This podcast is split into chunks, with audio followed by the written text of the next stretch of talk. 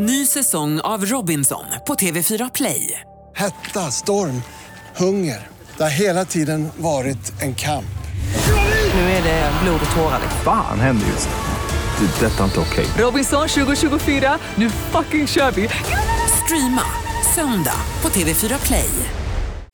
Hej, jag heter Gry Forssell och du lyssnar inte på radiostationen Mix Megapol. I alla fall inte just nu, för du ska ju precis höra ett nytt avsnitt av Mord mot mord. Men först vill ju vi säga hej.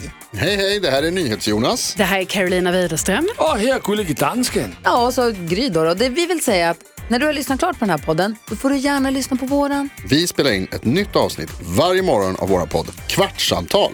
Och hela radioprogrammet blir ju också en podd om man är väldigt morgontrött eller så. Just det, om man missar morgonen ja. Men mest av allt så får du gärna lyssna på programmet i direktsändning varje morgon på Mix Megapol. Live varje morgon från klockan sex och då har vi med oss massor med vänner också. Thomas Bodström, Babben Larsson, Johan Pettersson, Christian Luuk.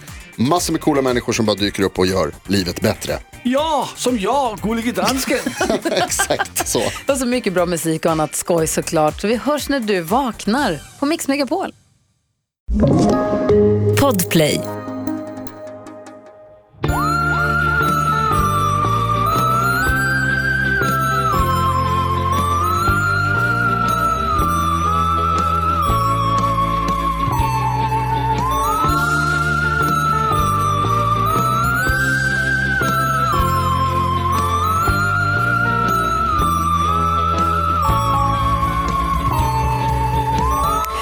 Allihopa! Välkomna till vår podcast Mord mot mord med Karin Londré och Anna Sandell. Välkommen till avsnitt, ska vi säga 204, 205 kanske?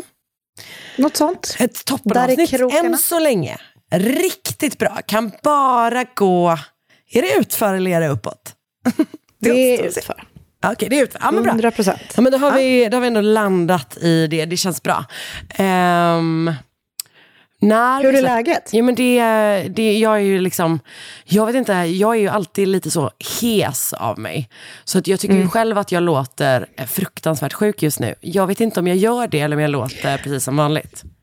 Du låter inte som vanligt. Okej, tack. Det känns skönt. Mm. Ehm, på något sätt ändå.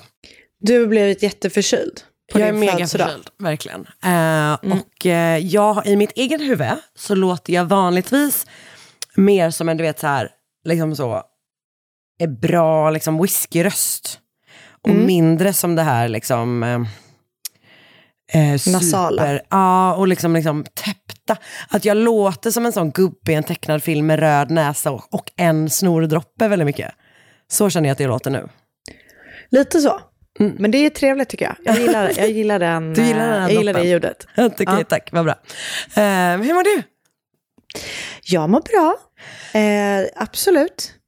Du, eh, när vi släpper det här, Vad händer då? då är det bara en och en halv Aha. vecka kvar tills vi har liveparty i Stockholm! Hurra! Uff, och när jag, när jag insåg det, alltså, Mm. då blev jag så nervös. Vad händer då? Nej men panik. Alltså, och det vet vi om att när vi har panik, då är vi som bäst. Eller? Jag hoppas verkligen det. Men det var ju så sist, vi hade ju konstant panik varje Mm. gång och det var askul och jätte, jättebra, om jag får säga det själv. Jag håller verkligen med. Jag backar dig helt och hållet i det. Ja men bra, så att jag tänker att det verkligen kommer ju bli, alltså Förutsättningarna är perfekta. de är perfekta. Ehm, hur glad blev du när jag hittade klippet på när du körde björnskytte? Och det, var, alltså, det var helt sjukt. Det känns som att det var så... Det känns som ett annat liv. Ja, men det var ju nästan det. Mm. Du var ju precis gravid tror jag. Ja. Nygravid och ändå så jävla Nygravid. vass på björnskytte. Jag vet. Eh, jag tror att det satt... eh, Jag tror att det var Sigrids förtjänst. Det tror jag verkligen. Det tror jag verkligen. Vilken Men tur vi att du ska väl inte... vara helt ärliga att jag, var, jag var väl sämst av alla. Det är ingen annan som minns Jag- det, Anna, eftersom alla andra var fulla. Så Just du det. kan verkligen säga att du var bäst, då skulle vi alla köpa Att jag det. var bäst? Ja. nice. jag, tror inte, jag, har inte, jag är ju dålig på att snyta mig också. Jag har liksom inte tillräckligt bra tryck i näsan. Tråkig grej att vara dålig på. Ovärdig, som, en, som en bebis. Men om, man- eh, alltså, om det klippet när vi kör björnskytte, en sak är att eh, jag har sett att folk är lite så här, vad är björnskytte? Och Ja, precis. Då blev- då blev jag så Eh, här- Men jag trodde att vi hade varit tydliga med vad men det vi var. har det, men det var nog ett avsnitt för länge sedan. Så att man Okej. måste kanske vara lite av en äkta skalle för att liksom Ja. ta björnskytte som, jag säger inte att ni andra inte är det. Ni har ju säkert bättre minnen än vad jag och Anna har till exempel. Men det är väl helt enkelt bara att man eh, eh, liksom tävlar i att skjuta ut en gummibjörn ur näsan. Så långt man kan. Mm. Ja. Och eh, om man vill se då hur fint det var så kan man gå in på vilken som av våra Instagrams. Jag Mm. heter att Karin Londre och du heter att Sandra Anna. Och eh, sen så tänker jag att eh, det hade ju varit för jävla fint om det, upp, alltså, om man liksom, det kunde uppstå en liten sån impromptu eh, björnskyttetävling i kön till in på Kul. Scalateatern. Eller hur? Kul, Som alla köper med sig varsin sån liten, liten påse gummibjörnar. Ja, vet. just det. Jag, jag tror inte man kan köpa dem styckvis. Okej. Fan. Okej. Hur ska Eller det kanske man kan. Jag tänker att de ligger i en sån påse med andra små Haribo-påsar. Ja, just det. Men då köper ni en sån och så, ta, och så har ni det andra som snacks. Ja, Mm. Jättebra. Och sen så har ni också er ammunition, kan man säga det? Till björnskyttet. Absolut. Eh, och sen så kör vi, eh, eller vi kommer ju vara antagligen jätterädda eh, och gömma oss någonstans. Men alltså det hade bara varit en, eh, det är ju, var ju ot- en otrolig upplevelse faktiskt. Så att, eh, Verkligen. Och sen så, just det, för att kunna gå på livepodden då, om man inte bara vill göra björnskytte delen av kvällen, vilket vi väl ändå kan rekommendera att man gör båda två. Eh, Så går man in på ståuppbolaget.se snedstreck mord mot mord. Där finns... Och de lä- länkarna finns ju också i våra Instagrams där man kan då se hur, hur det går till. Självklart. Björnskyttet. Ah, ja, gud ja, absolut. Eh, och där finns ju för både eh, Göteborg och Stockholm. Och eh, eh, sen får vi ju se vilken stad som visade sig vara bäst i den här nya. Jag har ju en känsla för vilka som är bäst. Och det är Göteborg. Jag kommer inte säga det här, men jag har en känsla. Att det är Göteborg. Vi får väl se. Du måste stå upp för din egen stad. Alltså vi, det är nu det börjar, stadskampen. Det... Gud, jag älskade det. Alltså gud, jag ville alltid bo så att man kunde gå ner och så här, ett akvarium. Alltså, gud vilket roligt program. Alltså, bring stadskampen back. Ja. Åh, Anna, då kunde du fått vara en sån liten flygande reporter, äntligen. Det hade varit underbart. Och vet du vad jag också tycker att de kan eh, bring back, nu när vi ändå pratar om gamla bra tv-program? Nej. Eh, det på rymmen. Ah! Alltså, kommer du ihåg när Men de, ring, de- ringde in från så telefonkiosker? men, det var där Yellow Heavy blev stora. Just det. Eh, men eh, jag tror att they brought it back. Aha, och det, Och det var inte lika bra. Av många olika anledningar tror jag. Men Stadskampen tror jag verkligen, verkligen, det är precis vad vi behöver. Det är precis vad vi behöver. S- Samla Jag ihop tänker att, eh, 800 luftmadrasser och kom till Stora torget. men jag tänker att om inte jag blir eh, programledare så jag har några andra som jag kan se göra det. Okej, och vilka har vi då? Och det är typ Farah. Ah, ja, ja, snälla, underbara Farah. Hon känns som att hon skulle göra det. Det Hon känns som att det är he- hennes roll bara. Ja, för hon är både pepp, alltså hon är liksom glad, men hon tar en tävling på allvar. Och det vill man ha tycker jag. Mm. absolut. Japp.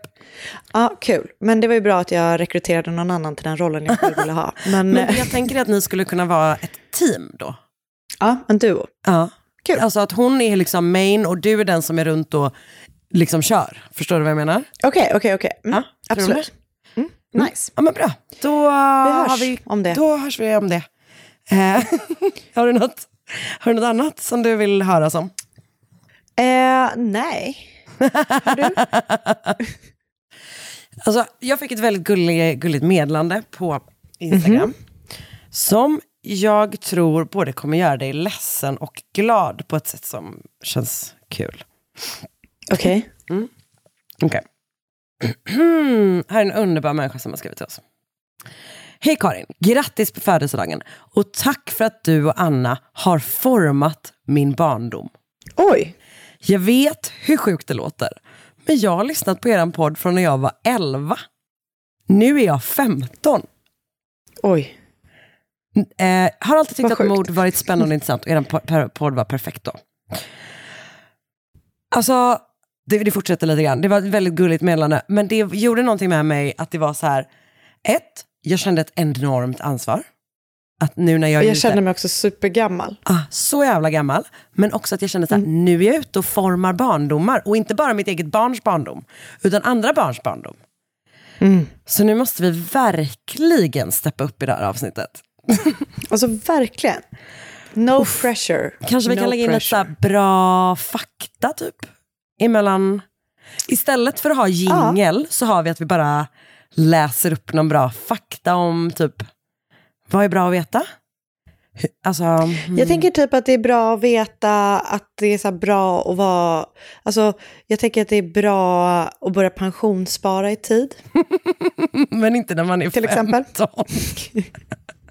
Alltså, jag vet inte. There's no better time than now, så brukar jag tänka. Okej. ja, jo men så brukar du tänka i och för sig. Och det kan väl också vara ett, ett allmänt råd då. Eh, att there's no Absolut. better time than now. Ehm, Ja men bra, då... Follow your dreams, an- en annan bra sak att säga. Men nu känns det mer som att du läser upp dina väggord hemma. Det där, det där vill jag ändå bara vara väldigt tydlig med. Att jag inte har, att jag inte har ett enda väggord. Det känns ändå viktigt. Ja, jag förstår. Jag hör dig, jag hör dig. Ja, men bra, då har vi börjat eh, ta Då vårt ansvar. Hej! Ny säsong av Robinson på TV4 Play. Hetta, storm, hunger. Det har hela tiden varit en kamp. Nu är det blod och tårar. Fan händer just nu. Det. är Detta är inte okej. Robinson 2024, nu fucking kör vi! Streama söndag på TV4 Play. Ett poddtips från Podplay. I fallen jag aldrig glömmer djupdyker Hasse Aro i arbetet bakom några av Sveriges mest uppseendeväckande brottsutredningar. Går vi in med hemlig telefonavlyssning och, och då upplever vi att vi får en total förändring av hans beteende. Vad är det som händer nu? Vem är det som läcker? Och så säger han att jag är kriminell, jag har varit kriminell i hela mitt liv men att mörda ett barn, där går min gräns. Nya säsongen av Fallen jag aldrig glömmer på Podplay.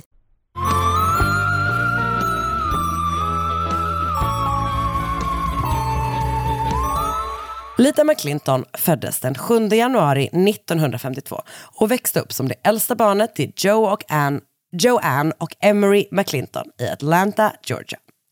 McClinton-familjen hade det liksom gott ställt. Föräldrarna var väldigt framgångsrika. Emery jobbade på US Department of Transportation och Joanne representerade Georgia i den amerikanska kongressen. Lite av hennes syskon växte upp med eh, liksom väldigt så här, goda kontakter inom Atlantas så afroamerikanska elit.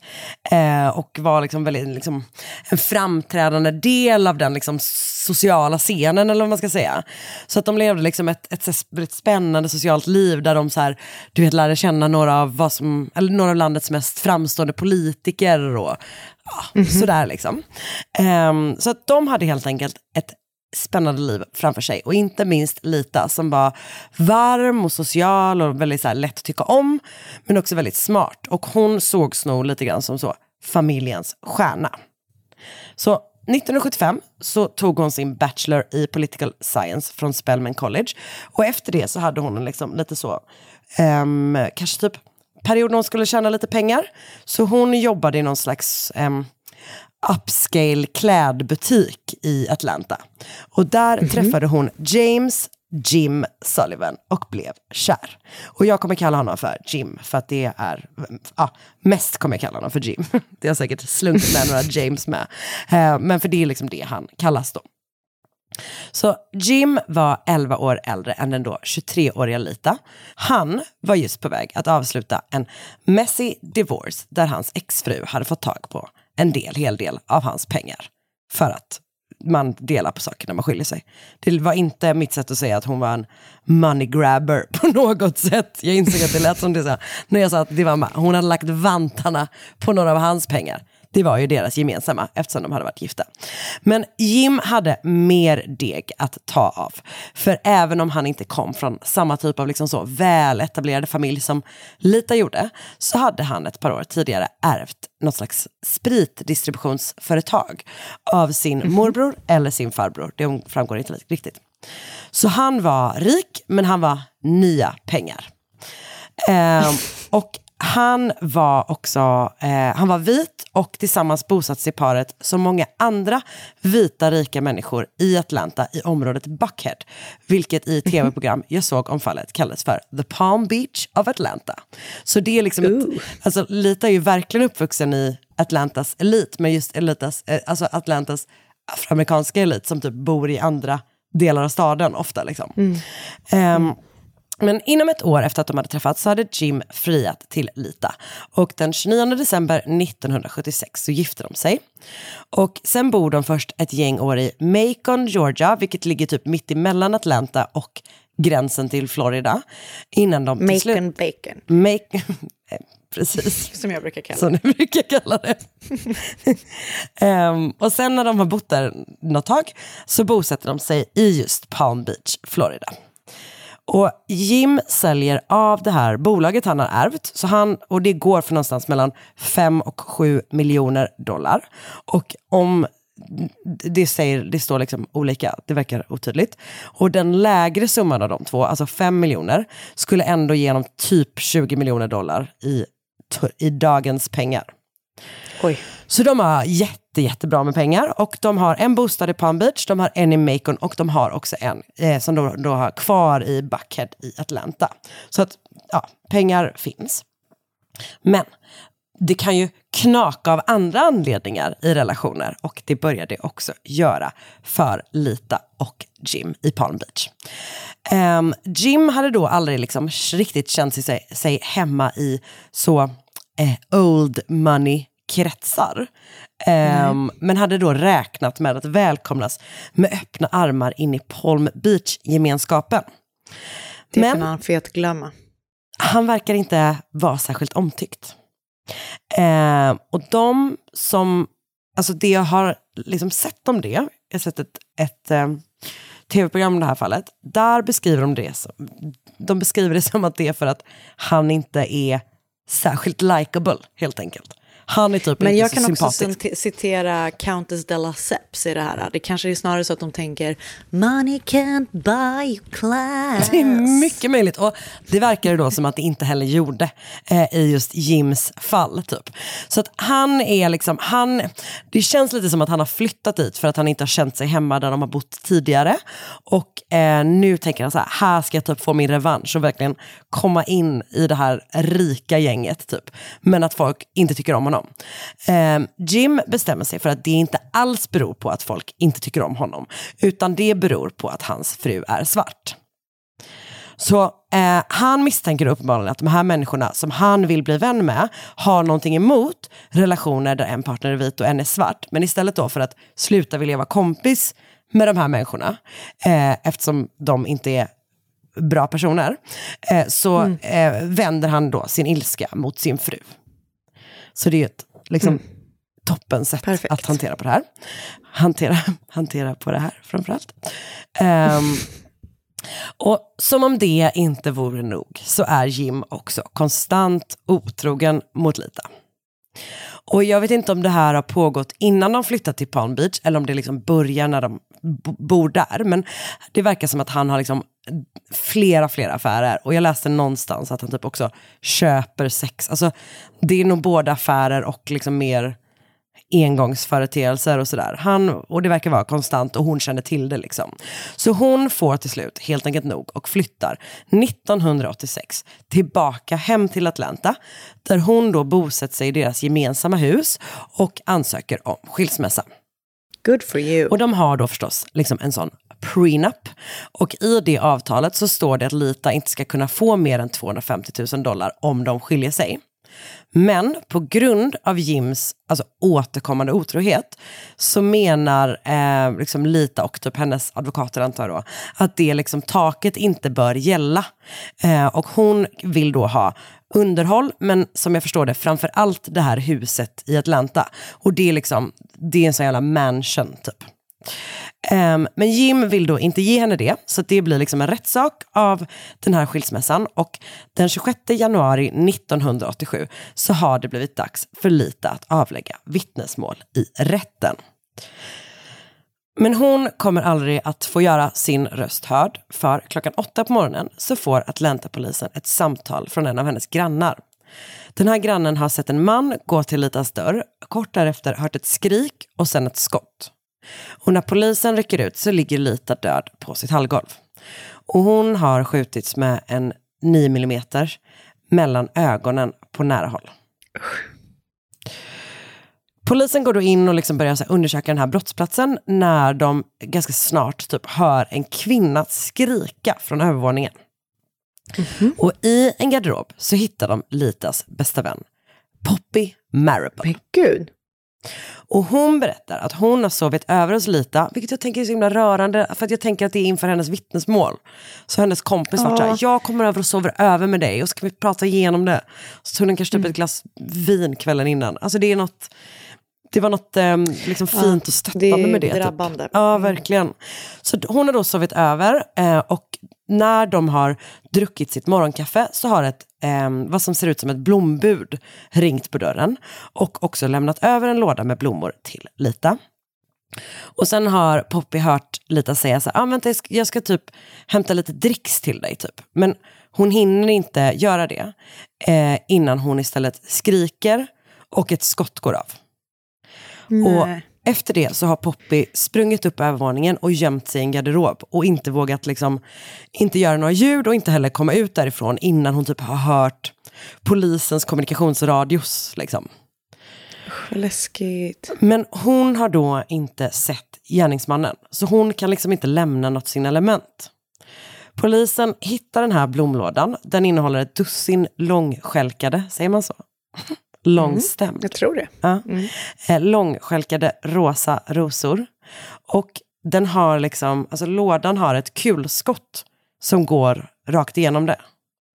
Okej. Så man tror då att när gärningsmannen har liksom höjt pistolen och siktat mot Litas huvud så har hon liksom bara i en ren reflex typ försökt skydda sig själv genom att lyfta upp den här lådan. Och så har skottet gått rakt igenom blommorna typ.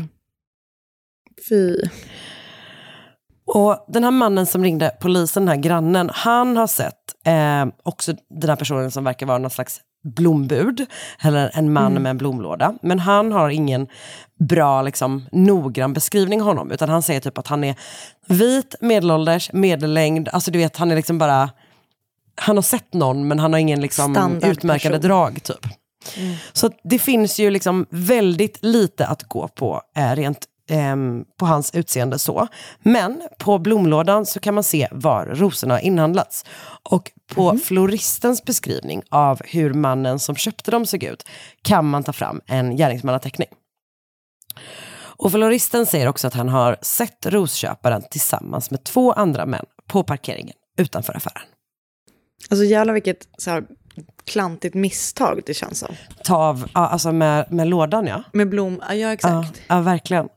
Okej, så samtidigt som, men också hela den här grejen är ju, eller det finns ju en så tydlig gärningsmisstänkt person typ. För att samtidigt Mm. då som det här händer börjar man då förstås kolla på Jim Sullivan som eh, möjlig gärningsman. Och det verkar ju, alltså de har, inte nog då med att de har varit i en superbråkig skilsmässa, eh, där deras liksom, äktenskapsförord kan komma och slängas ut på grund av hennes vittnesmål, typ. Eh, Att hon sen liksom mördas samma dag som hon ska avlägga det vittnesmålet är liksom, jag vet inte, det är så jävla ja, tydligt typ. Men han har då ett alibi. För han har spelat tennis i Palm Beach samma morgon som mordet skedde. Och det finns flera olika vittnen som kan styrka att han har varit i Palm Beach under den här dagen. Liksom. Så därför börjar polisen förstås jobba efter teorin att han har fått någon annan att utföra mordet. Han har ju onekligen pengarna att göra det. Ehm, och när de börjar kolla utdrag från hans telefonregister så ser de något misstänkt. För lite drygt en timme efter, att, alltså efter mordet på Lita har någon ringt till Jim i Palm Beach och samtalet varade i 45 sekunder och kom från en telefonkiosk i Atlanta. En telefonkiosk som låg inom liksom en timme från Litas hem. Så att man har hunnit mörda henne och sen köra till den här telefonkiosken. Liksom, inom Helt eh, klart suspekt. Riktigt suspekt. Ehm, men det, så här, de har ju fortfarande inte jättemycket att gå vidare med, men de har lite tur. För att ett vittne kliver fram och säger att han har, eller jag vet inte om det är en han, hen har hört en person som heter Thomas Henley berätta att han har köpt blommor och sen använt dem för att få en svart kvinna i Atlanta att öppna sin dörr och då har han skjutit henne. När floristen visas bilder på den här Thomas Henley så identifierar också floristen honom som den som köpte rosorna. Och polisen bestämmer sig att bara på det här försöka ta det till rättegång. Oj. Det går jättedåligt. Eh, och domaren lägger ner fallet innan det liksom ens tas upp i domstol. Eller de, ja du vet, de throw it out. Så åren går och polisen är ju då övertygad om att Jim är inblandade. Det är bara det att preskriptionstiden för beställningsmord, alltså att ha beställt ett mord, inte för beställningsmord, men att ha beställt ett mord, åtminstone vid den här tiden, bara var fem år. Så precis innan det gått fem år åtalar FBI Jim Sullivan för att via liksom vad som de beskriver som interstate phone calls har beställt mordet på Lita. Och jag tror att det är just det här att det är mellan olika stater som ju gör att det är ett, FBI, ett fall för FBI. Liksom. Ah, okej. För att det blir en sån federal, Just eh, federal fall. Liksom.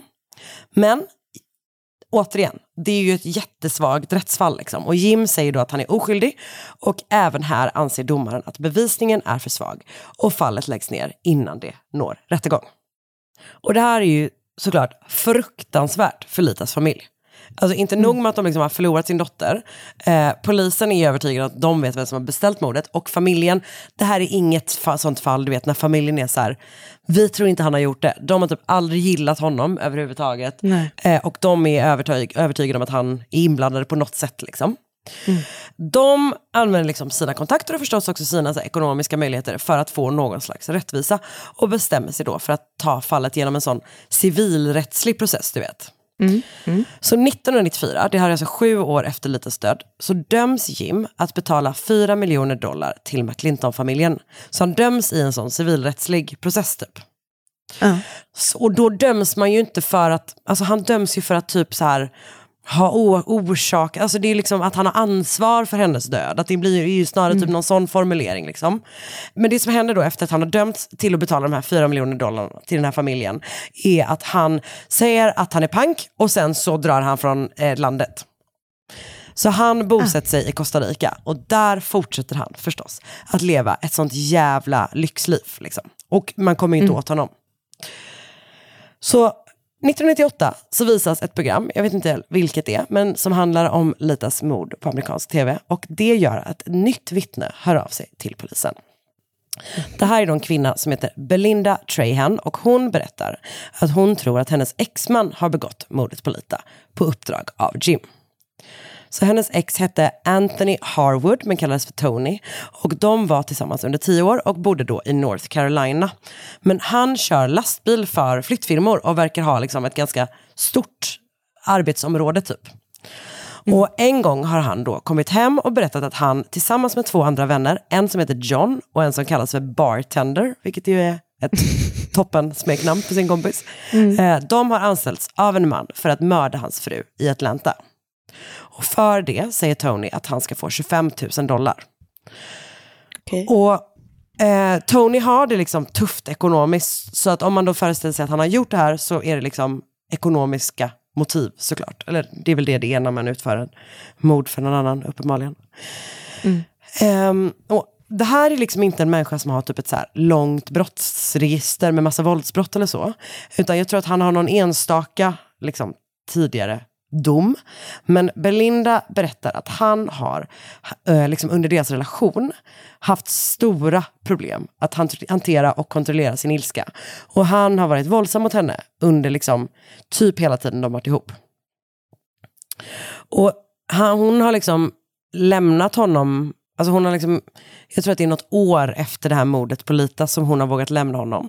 Men hon har då inte vågat träda fram och berätta vad hon vet för polisen förrän efter tio år. Så det har gått väldigt lång tid liksom. När polisen kommer hem till Tony Harwood för att ta in honom på förhör är det första han säger I've been waiting for you boys for a long time. Han erkänner då hans inblandning i mordet på Lita och sluter en överenskommelse med distriktsåklagaren där han erkänner sig skyldig till voluntary manslaughter och ehm, han också måste då vittna mot Jim Sullivan, är typ en del av dealen. Och i utbyte mot det så får han tidsbestämt straff. Tidsbestämt straff. Och Anthony Harwood får 20 års fängelse för mordet på Lita McClinton och kom ut 2018. Är det inte så att om han har dömts redan i sån civil rättsgång så kan han inte dömas i en rättsrättsgång? Du menar, eh, vad heter han? Jim. Jim. Nej, men däremot är det ju så att de har ju den här double jeopardy-grejen. Så för det civilrättsliga tror jag är en helt annan grej. Men däremot så kan du ju inte i USA åtalas för samma brott två gånger. Nej. Men vi kommer till det. I will tell you all about it. Så för polisen tänker då att den här torpeden kanske typ inte är det bästa vittnet för att så här, få en jury att, att liksom lita på. Eh, inte minst då när han typ ställs mot en så megarik snubbe som uppenbarligen har råd att typ anställa jätte, jättebra Mm. advokater om han vill typ. Så de börjar då jobba för att stötta upp den här teorin att Jim betalar Tony och eventuellt några andra för att mörda Rita. Vilket man bara, Mm. that's your job. Men okej. Eh, så för det första så måste de då visa att det överhuvudtaget finns liksom en koppling mellan Jim och Tony. Ehm, och för det första så hittar de, när de griper Tony i hans plånbok, en lapp med Jims telefonnummer. Okej. Vilket man bara, det har alltså gått typ 11-12 år Jag ska sedan. precis säga det. Att han har kvar den. Ja, men tror du inte att han har haft det för att typ kunna liksom call in favor som han skulle behöva? Säkert. Alltså det har, vet, jag ingenting om, det är bara verkligen, verkligen min teori. Att du vet att ändå ha en sån jätterik snubbe ehm, som är skyldig en en jävla tjänst som man verkligen skulle typ kunna hota med att säga Mm. så här, men jag kommer berätta vad du, ja, du fattar vad jag menar. Säkert. Säkert. Eh, för annars vet jag inte riktigt varför han skulle ha det. Ehm, men, och det är ju verkligen liksom en stark, en stark grej förstås. Men man hittar också ett dokument som styrker att Tony har kört ett flyttlass åt Jim till Palm Beach. Så det finns liksom ett dokument med båda männens underskrift på typ. Och dessutom så kan Tony berätta om något som det inte verkar som att allmänheten har känt till. Han berättar att han har, efter mordet på, på Lita har åkt till en telefonkiosk och ringt Jim eh, och lämnat typ ett så kort kodat meddelande. Och det tänker man då är det här 45 sekunder långa samtalet förstås. Just det. Um, så polisen tror sig då, alltså fortfarande är ju inte det här, det är ju inget megastarkt fall.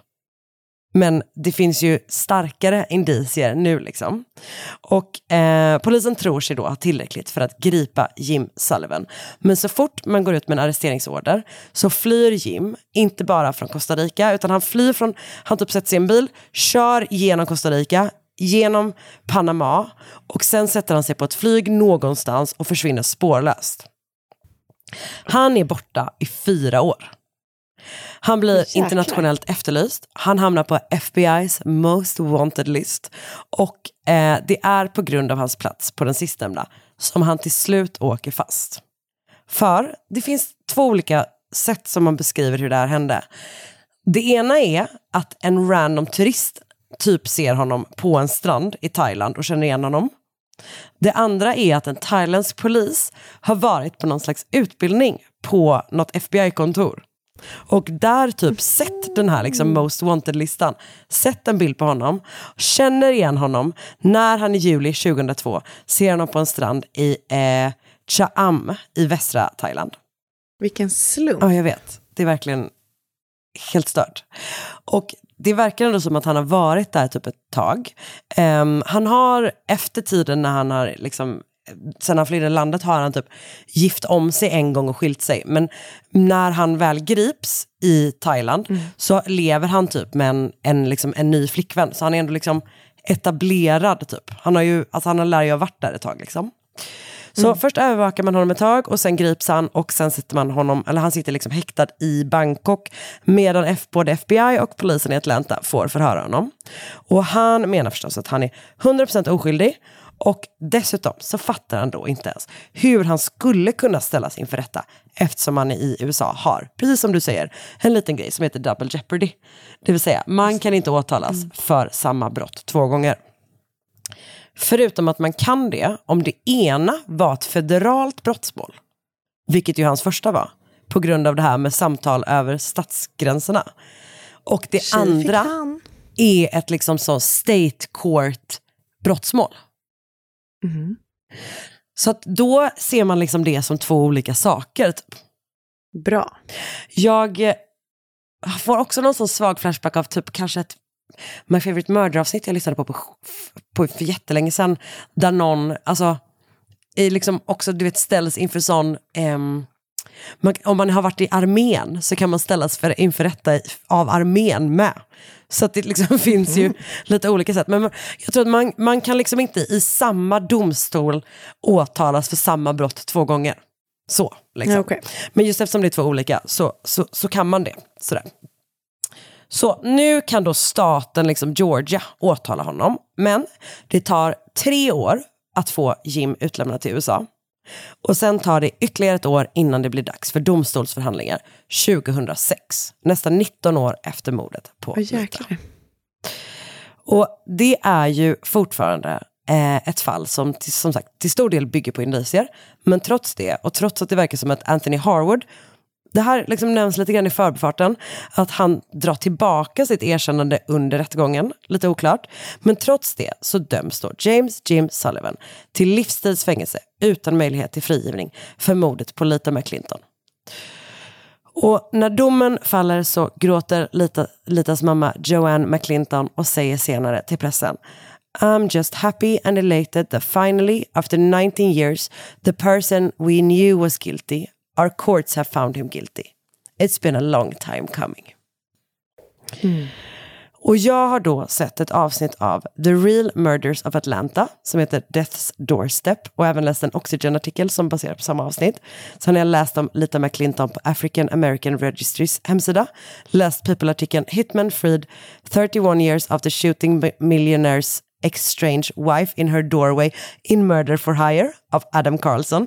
En CBS News-artikel med rubriken Millionaire Wanted for Murder for, från 1998. En Associated Press-artikel från 2006 med rubriken Millionaire Convicted of Murder in Wife's Death. Och även eh, Lita McClintons runa på findagrave.com.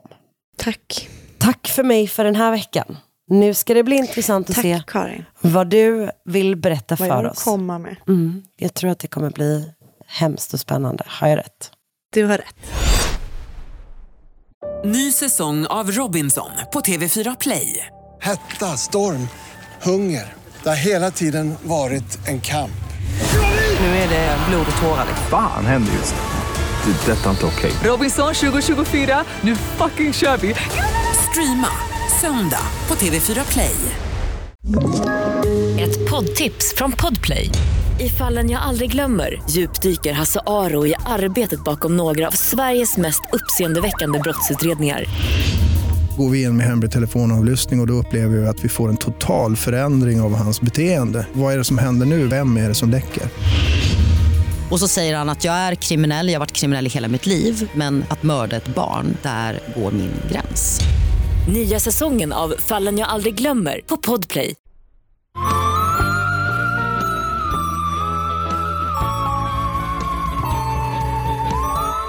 Bridget och Bill träffades på The Stratford Festival som är en teaterfestival i Stratford i Kanada 1965. Wow. Ja, verkligen. Bara där. Bara där, vilken jävla öppning.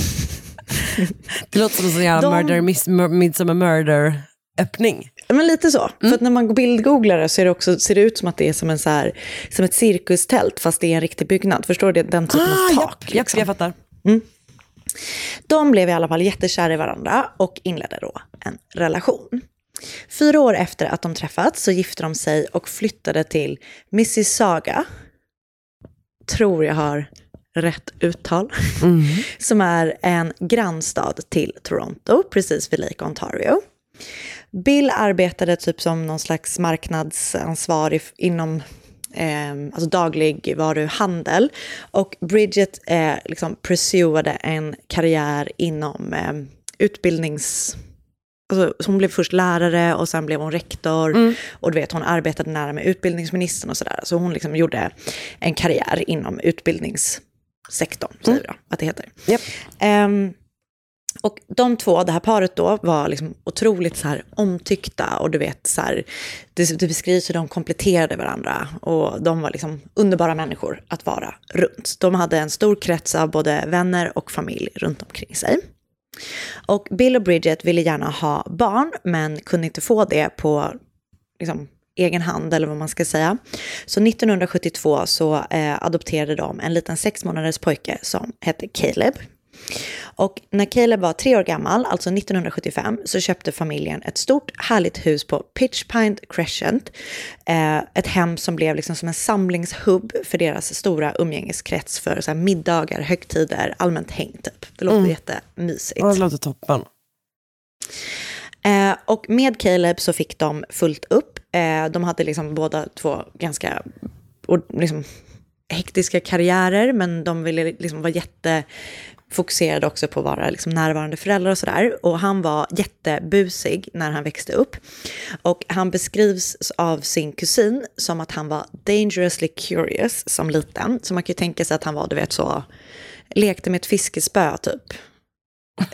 Det var det värsta jag kunde komma på. Men kanske, det var för att min, min syster som gjorde det och fick ett, ett, ett bete i handen. Så jag tänker att det, du vet, sådana saker. Jag vet inte om han gjorde det, men Nej. Caleb gjorde det. Men jag tänker att det är sådana grejer som han Japp. gjorde typ.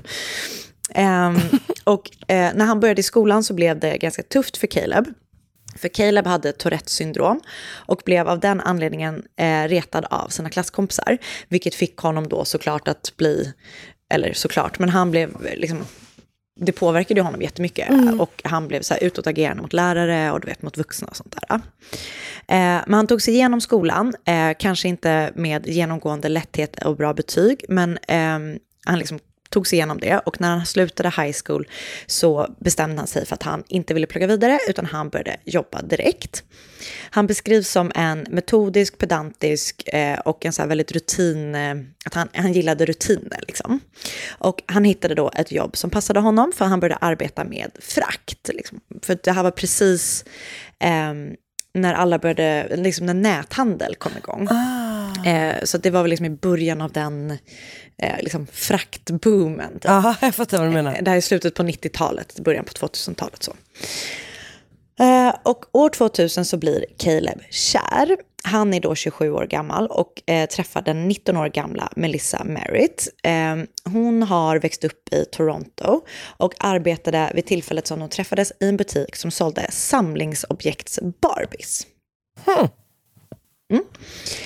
Eh, hon var då ganska ung, hon var 19 år, men hon var redo att stadga sig. Hon ville gifta sig och skaffa barn. Och eh, Caleb var liksom helt med på de planerna. Han längtade också efter att starta en familj. Så de gifte sig och fick två barn i ganska rask takt, en Mm. pojke och en flicka. Men det blir då inte bara en dans på rosor, utan de hamnar ofta i bråk om olika saker. Du vet, de har lite tajt om pengar, han dricker lite för mycket.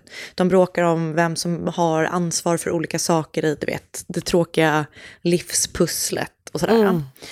Eh, Caleb tycker också att Melissa ljuger och eh, hittar på saker, typ skarvar med sanningen hela tiden. Bland annat så har hon sagt att hon, eller hon har typ låtit förs- familjen förstå att hon har äggstockscancer, vilket egentligen inte var riktigt sant, utan hon hade en cysta eh, där omkring liksom. Och så kryddade hon den historien så att Caleb och hans familj och även tror jag hennes familj trodde liksom att det var cancer fastän det egentligen, ja du vet, hon verkar göra sådana saker. Är det typ som att så här- hon liksom överdriver för uppmärksamhet lite grann? så, så som jag förstår det. Mm, mm. Eh, och fem år efter att de har träffats så döms Caleb för domestic assault. Eh, han har då enligt domen hållit fast eh, och slagit Melissa. Och hon har även berättat att han då liksom gör saker som kanske är mer liksom subtil misshandel. Jag vet inte exakt vad det skulle vara, men mer Men liksom att hon har beskrivit det som att vissa...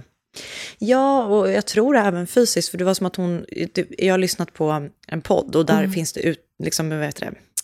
Förhör med henne. Och det är typ att han säger, du vet, vissa slår någon bara rakt i ansiktet men han kunde vänta tills att jag gått och lagt mig. Du vet. Mer, Mm. Så att det är nog liksom både fysiskt och psykiskt. Ja. Så efter att den här domen då har, efter att Caleb då har dömts för det här så bryter de upp, de eh, skiljer sig, eller de gör slut i alla fall. Deras skilsmässa kommer inte gå igenom förrän typ två år senare. Men de gör slut och han flyttar in hos sina föräldrar igen och eh, Melissa bor i Georgetown där hon och eh, Caleb har bott tillsammans med familjen. Så hon bor kvar där och han flyttar då tillbaka till Mississauga med sina föräldrar. Och eh, Caleb får då inte träffa eh, sina barn, liksom när de har separerat där.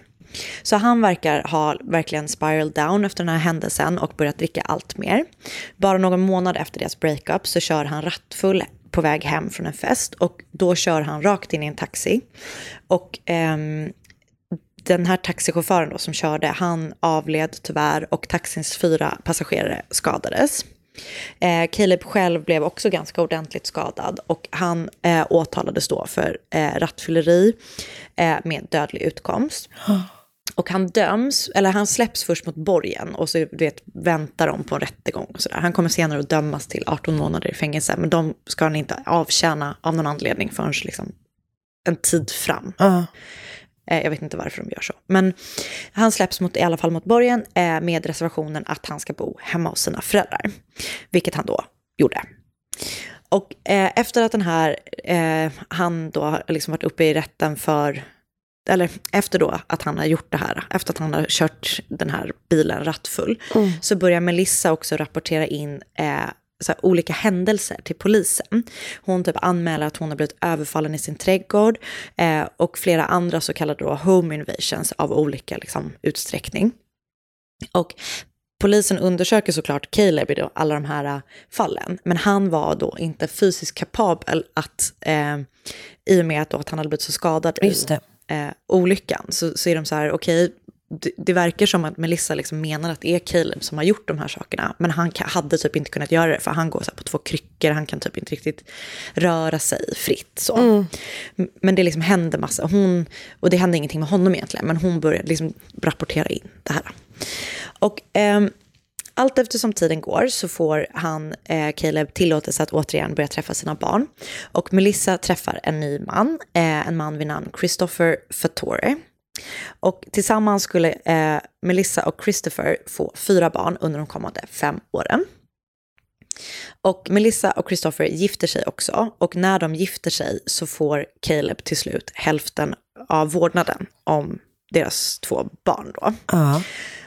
Ja, jag vet inte vad, hur det beslutet grundades. Men så då från och med att Melissa då gifter sig och börjar få barn med den här Christopher så börjar då Melissa och Calebs gemensamma barn bo på halvtid hos föräldrarna.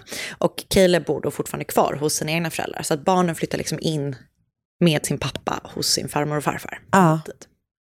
Och Melissa gillar inte alls det här då, att de får delad vårdnad. Hon vill inte att barnen skulle bo varken hos Caleb eller hos hans föräldrar. I mars 2008, cirka tre år efter den här då hemska fyllekörningen som slutade med en dödlig liksom, utgång, så är det dags för Caleb att avtjäna sitt straff då, de här 18 månaderna i fängelse. Och domaren vill då att barnen ska bo kvar hemma hos Calebs föräldrar på 50% och bo hos Melissa på 50%. Ah. Så de ska liksom tillbringa sin tid hälften hälften. Så när Caleb då åkte in i fängelse så flyttar eh, Melissa och Christopher från Georgetown, där de har bott med sina barn, till Mississauga för att, så att de liksom skulle kunna vara närmre ehm, Caleb och Melissas barn. Eh, och, ja, så de flyttar dit då. I april 2009, ungefär ett år efter att Caleb har åkt in i fängelse, så ska den andra tragedin drabba familjen Harrison, som då är Calebs familj. För på kvällen den 16 april kom Bridget hem till familjens hus. Hon klev in i huset och det var nedsläckt och tyst, så när som att tvn var på. På bordet framför tvn stod en halväten middag. Men hennes man var då inte i huset. Så hon börjar se sig omkring, men hon kan inte hitta honom. Sen ser hon att dörren till toaletten på nedre våningen var låst. Så hon, du vet, så här, knackar, ropar på honom, inget svar. Och till slut så lyckas hon i alla fall eh, få upp dörren. Och då hittar hon Bill på golvet, halvt vet så eh, liggandes, sittandes mot väggen. Så hon ligger i larmcentralen trots att hon redan från början kan se att han inte andas. Och hon kan heller inte, han är liksom för tung och han typ sitter fast lite så här mellan toaletten och väggen typ. Så hon kan inte få ut honom. Så hon, Nej. jag har också hört det här liksom larm, alltså, hon, hon kan inte göra någonting. Eh, Så polisen och ambulansen kommer då till huset och Bridget säger att hon tycker det är konstigt att dörren till toaletten var låst och att det var helt släckt liksom. Eh, Men en rättsläkare då kall- eller, och en rättsläkare kallas då till platsen för att undersöka Bills kropp. Han ser att Bill har små röda märken på halsen men sa att det mycket väl kunde vara då märken från Bills guldkedja som han alltid hade eh, runt halsen. Okej. De här märkena dokumenterades på bild, men polisen landar till slut i att det är troligt att tro att döden var naturlig. Eh, man, man då ser framför sig Mm. att han typ har fått, eh, ja, nånt, ja, det är i alla fall, de liksom tror inte att det är något konstigt bakom. Nej. Eh, men eftersom det inte är, he- är helt tydligt då vad dödsorsaken eh, var så beställde rättsläkaren ändå en obduktion. Men eftersom polisen sagt att det inte var någon misstänkt bakom Bills död så utfördes också obduktionen med den inställningen. Så den vet, går inte igenom en sån omfatt... Den, Nej. den är liksom inte lika omfattande den obduktionen som de gör eh, Mm. på Bill. Och när de gör då obduktionen så är det saker som ändå är så här, det finns saker som inte riktigt tyder på en naturlig död. Man hittar liksom istället en del skador, då de här märkena på halsen som är liksom som små sår, typ. eller du vet, det är märk, röda märken. De, Mm. Han har ett blåmärke uppe på huvudet och även eh, hans bröstben har en fraktur. Hmm.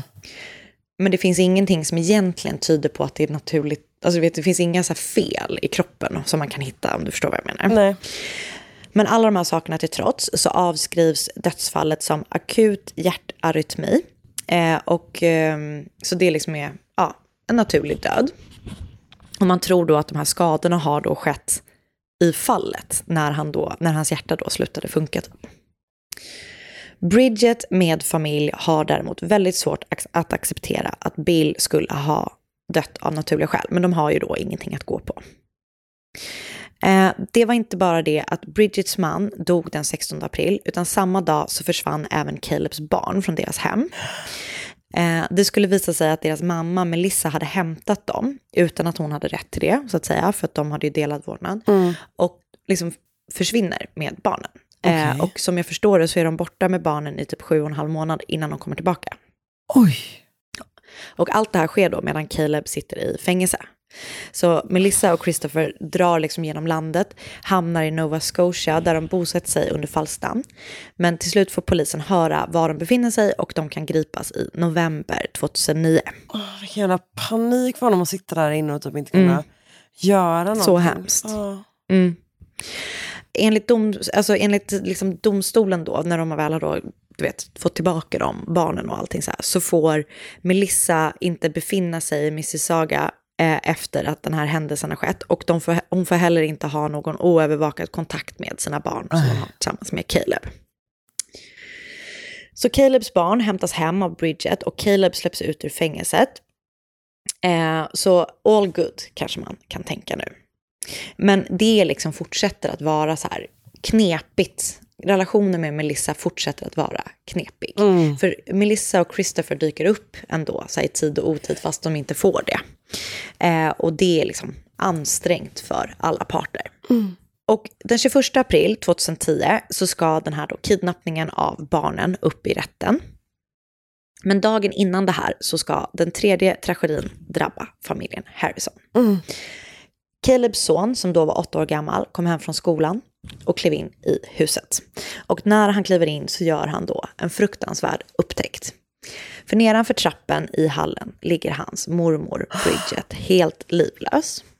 Han rusar till en granne som hjälper honom att larma då så polis och ambulans kan återigen kallas till huset på Pitch Pine Crescent. Så jäkla hemskt. Och den inledande teorin är då att Bridget ska ha ramlat ner för trappan och avlidit av fallet. Men familjen köper inte det här. Nej. Caleb ska då ha sagt liksom till sin kusin att det såg inte ut att stämma för att ingen ramlar ner för en trappa trappa och landar i den positionen som Nej. hans mamma hittade sig. För hon låg liksom på rygg eh, med armarna, liksom, du vet, en arm var lite upp på ett trappsteg och en annan låg bredvid hennes kropp. Så att, du vet, om man ramlar ner för en trappa så är det ju troligt att man kanske liksom, ja, det såg inte helt enkelt ut som att man kan väl ramla hur som helst. Men de får Ja. liksom en bad feeling. Japp. Även Bridget hade liksom så små liksom märken, eh, som nästan som små skrapsår och typ blåmärken på hakan och halsen, så här nackpartiet. Och eh, polisen är så här, ja det här behöver vi kanske titta lite närmare på. Det är också typ det andra dödsfallet i huset på eh, drygt ett år. Så polisen går igenom brottsplatsen och Bridgets kropp får till skillnad från hennes man genomgå en full rättsmedicinsk undersökning eftersom man då tycker att det är något skumt med hennes död. Rättsläkarna berättade för polisen att det fanns tecken på att hon skulle blivit strypt. Eh, men hon hade också brutit ben i nacken, vilket skulle då kunna styrka att hon faktiskt hade fallit. Eh, men ehm, det, det här då, liksom, att det är ändå två dödsfall i huset på så kort tid, får de då ändå bara så här, det är nog kanske inte bara ett fall, liksom, att det är ett självförvållat fall, äh, ett olycksfall heter det. Ehm, så polisen börjar då, du vet, höra sig för och ganska snabbt riktar de in sig på Caleb. För han skulle ju då liksom vara den som skulle ärva allting. Och eh, när de pratar med Melissa, då, Calebs fru, så vet de ju dels att han har varit våldsam mot henne. Och hon berättar även för polisen att eh, Caleb och hans mamma inte hade liksom, den bästa relationen man kan tänka sig. Jag fattar. Men han har vattentätt alibi. Han satt ju liksom för det första i fängelse när hans pappa dog, inte för att man än tror att det var något konstigt med hans död. Men dagen då hans mamma dog så var han på jobbet, bevittnat av liksom flera olika personer hela dagen. Så det kan inte vara han. Caleb själv säger till polisen att om han var dem så skulle de, han titta lite närmare på Melissa och Christopher, vad de hade gjort den dagen hans mamma dött. Eh, och polisen pratar då med Melissa och Christopher och frågar vad de har gjort och du vet vad de så här, har att säga om det hela och du vet så. Och de berättar liksom en story och det verkar som att det typ stämmer men det kanske finns lite luckor som är lite sådär, Ah. ja, tveksamma. Men de har ju ingenting att gå på i det. För att, du- ja, så så det, det finns luckor. Men, och, och till slut så kommer polisen bara fram till i deras eh, utredning att det inte finns några tecken på att det har varit foul play. Hmm. Men rättsläkaren är typ så här, ja skadorna ehm, kan inte förklaras av en enda anledning och att därför måste döden liksom klassas som en obestämd, eller dödsorsaken måste klassas som eh, obestämd. Och eh, polisen uppmanar familjen som är säkra på att, det ni- ligger liksom, att någon annan ligger bakom Ah, Bridgets död, att lägga fram bevis för att det är så. Så istället för att vara så här, vi ska utreda det här till botten, så är det typ som att de bara, Ni får göra ja det." men om ni hittar någonting som tyder på det så kan ju ni Men eh, alltså, ringa oss typ. Stackars den Mm. familjen. Så jäkla hemskt. Och också Så om utredningen- Cable ja. misstänker att Melissa är inblandad i det här. Det känns som att she might be coming after him också. Okej, kör. Men så utredningen av Bridgets död stängs i alla fall och även om eh, liksom, fam eller familjen menar då eh, att så här, allting som hade kunnat göras gjordes absolut inte utan polisen liksom lämnade det lite eh, helt ofärdigt i princip. Så på ett år, eh, drygt ett år, har Caleb förlorat båda sina föräldrar. Han bor kvar med sina barn i familjens hus och verkar trots allt liksom gå vidare med sitt liv, trots att hans eh, vänner och familj är oroliga för Caleb och barnen. Eh, han vet, jobbar på, hänger med sina barn och sin familj och träffar så småningom en ny flickvän. Så då tänker man, things are looking up. Men i augusti 2013, ungefär tre år efter att Bridget dött, så ska den fjärde tragedin för familjen inträffa. För i augusti 2013 dyker Caleb inte upp på jobbet. Något som hans kollegor tycker är jättekonstigt. För han var liksom väldigt noga med att hålla tider och han hörde alltid av sig även om han liksom var typ så 30 sekunder sen. Ah. Och ingen på jobbet har hört från honom. Så hans närmsta partner på jobbet bestämmer sig för att åka hem till huset för att se om han är hemma. Och väl framme så öppnar Calebs städerska dörren. Och eh, Calebs då kollega frågar så här, är han hemma? Varpå att hon säger så här, men jag har inte sett honom, men jag städar inte heller hans rum. Så det är möjligt att han ligger där uppe, liksom. jag vet faktiskt inte. Så tillsammans går de upp till hans rum och när de kliver in så hittar de honom liggandes i sängen med, du vet, en sån här sovmask. Och eh, han andas inte. Han är liksom död. Så polis och ambulans kallas till huset en tredje gång. Och när en rättsläkare undersöker Calebs kropp så visar det sig att han har dött genom strypning. Någon har då alltså mördat Caleb. Så nu har vi tre dödsfall i samma familj under samma tak på liksom, i helvete? väldigt kort tid ändå. Och så då börjar man så här, vem har mördat Caleb? Och då är det så här, då måste någon, kan det verkligen, som vi måste nu titta verkligen, då är det någon förmodligen, tänker de. Eller kan det vara så att någon har mördat Bridget och Ah. kanske eventuellt Bill? Så då ekar det liksom i polisen så här, Melissa och Christopher, det ekar i deras huvud Mm. ändå. För att nu är det så här, ja Caleb hade motiv att döda sina föräldrar, men vem hade motiv att mörda alla tre? Mm. Eh, och det är då leder dem till Melissa och Christopher. För att eh, Melissa har under de senaste åren då drivit olika processer där hon vill få tillbaka vårdnaden eh, om eh, Caleb och eh, Melissas gemensamma barn. Och inte långt innan Caleb mördades så hade han gått med på att barnen skulle få vara hos deras mamma varannan vecka. Så du vet, under alla år sedan hon egentligen träffade Christopher och Caleb fick tillbaka liksom del av vårdnaden så har hon på olika sätt drivit liksom, att hon vill ha barnen helt och hållet för sig själv. Så polisen tar in dem båda till förhör och de berättar liksom samma sak. De säger att kvällen innan han, Caleb mördades så har de båda och Caleb varit på sonens baseballmatch. Efter matchen så hade Caleb åkt hem till sig och Melissa och Christopher hade åkt med alla barnen till ett köpcentrum där de åt middag i en food court och efter det så hade de åkt hem och lagt sig. De säger båda två att ingen av dem har lämnat huset efter att de kom hem den kvällen utan att de sovit bredvid varandra och att de inte har någon aning om vad som har hänt med Caleb. Eh, men polisen tycker liksom ändå såklart att de är fortsatt eh, intressanta som misstänkta och inleder en mer omfattande utredning mot de två. Två veckor efter att Caleb mördats så ansöker Melissa om ensam månad eh, om hennes och Calebs gemensamma barn, vilket hon också får. Och ehm, efter det så flyttar de då från Mississauga till östkusten, eh, men de är fortfarande då under strikt bevakning av polisen. Mm. Polisen bygger sitt case mot Melissa och Christopher på olika sätt. Bland annat så avlyssnar de deras hem. Och sättet som de får till den här avlyssningen på är så fascinerande. För att polisen låtsas att eh, en polis är en Mm. kvinna, eller det är en, kvinnlig, det är en kvinna. Men de låtsas att den här kvinnan är en allmän eh, do-gooder typ. Som har fått reda på liksom, all tragedi kring Melissas familj. Och du vet, de har sex barn, de har typ inte liksom särskilt, de har inte särskilt god ekonomi, så de låtsas liksom att den här kvinnan, är, den här kvinnan då säger typ så här, jag vill hjälpa er liksom ekonomiskt. och eh, bland annat vill hon då bjuda familjen på semester till typ ett nöjesfält.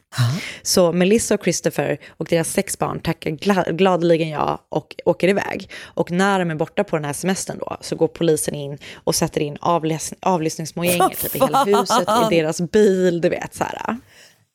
Så efter det så kan de höra allting som eh, Christopher och Melissa pratar om i huset. Och de plockar upp jättemånga viskande samtal mellan de två. Och polisen gör också sådana saker som att de skickar, du vet, så här, mail till Melissa. Eh, om att så här, nu har vi kommit vidare här i Calebs fall. De du vet, skriver till exempel att så här, nu har vi hittat DNA under Calebs naglar, vilket de också gör. Eh, och efter att de, Melissa har fått det mejlet så börjar hon och Christopher prata hemma. Du vet, så här viskar typ och bara så här, hur länge kan DNA liksom finnas kvar? Japp. Vad, kan, vad behöver man vara för mängd för att det ska kunna leda till någonting? Och så, här. så de verkligen alltså gillrar en fälla. Men det känns som att, att det ofta är när, vi gör, när man gör kanadensiska fall. Så känns det ofta som att det, polisen har lite funky stuff för sig. Alltså. Lite luriga. Ja, jag, håller verkligen. jag håller verkligen med. Men till slut i alla fall, och så, samtidigt som de gör de här avlyssningsgrejerna så hittar de massa andra liksom, saker som jag ska berätta om sen också. Men till slut så har de i alla fall tillräckligt mycket för att kunna gripa båda två.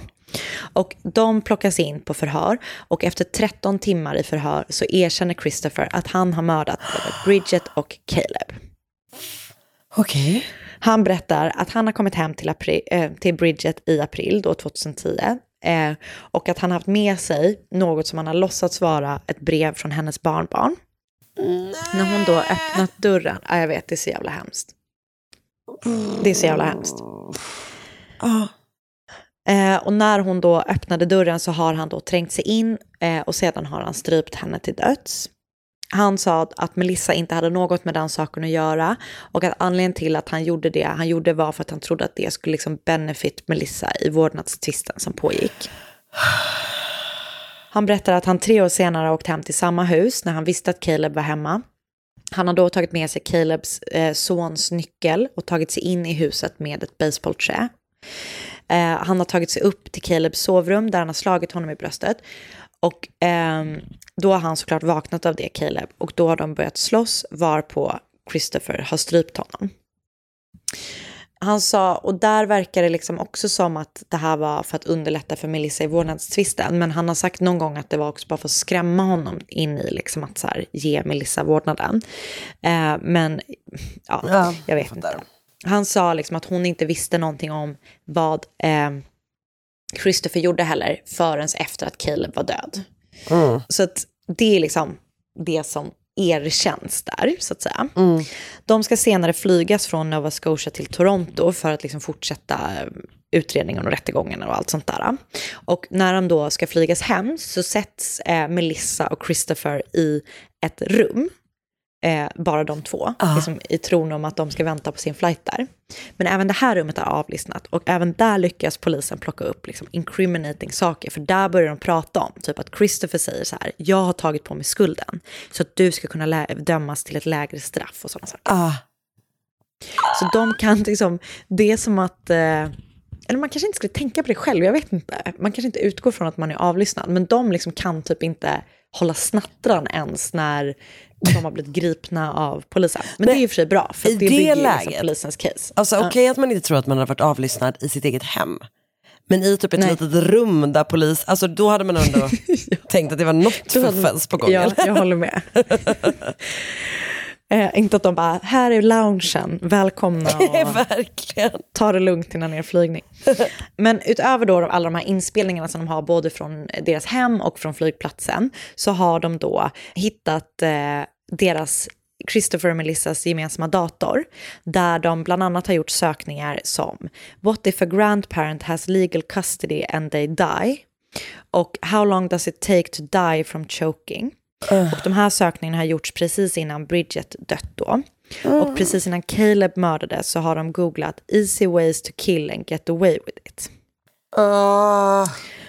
Och man kan liksom inte säga vem som har gjort dem eftersom det är deras gemensamma dator och av olika anledningar som jag inte exakt liksom greppar vad det är så vis, verkar det som att man inte kan använda de här Google-sökningarna som bevis i rättegången som sen ska komma. Men de finns liksom. Ja.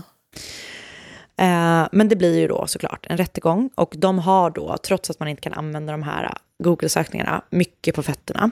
Och åtalet drev då tesen att både Bridget och Calebs dödsfall, men även kanske Bills, hade skett vid tillfällen som liksom var viktiga, du vet, viktiga i förhållande till vårdnadstvisten. Så att man tror då att liksom de har gjort, Någon skit mot eller honom. mördat möter. de här stackars människorna. Ja. Det verkar också som att de tror att de eventuellt skulle ärva då massa pengar från familjen efter att Caleb dött, i och med då att barnen skulle då ärva Caleb och sina morföräldrar och sådär. Så det här menar då är liksom åtalssidan är motiven bakom morden. Ehm, och även om de driver också då att även om det var Christopher som faktiskt utförde själva morden så var Melissa högst delaktig och kanske även den som bestämt vad det var som de skulle göra. Mm.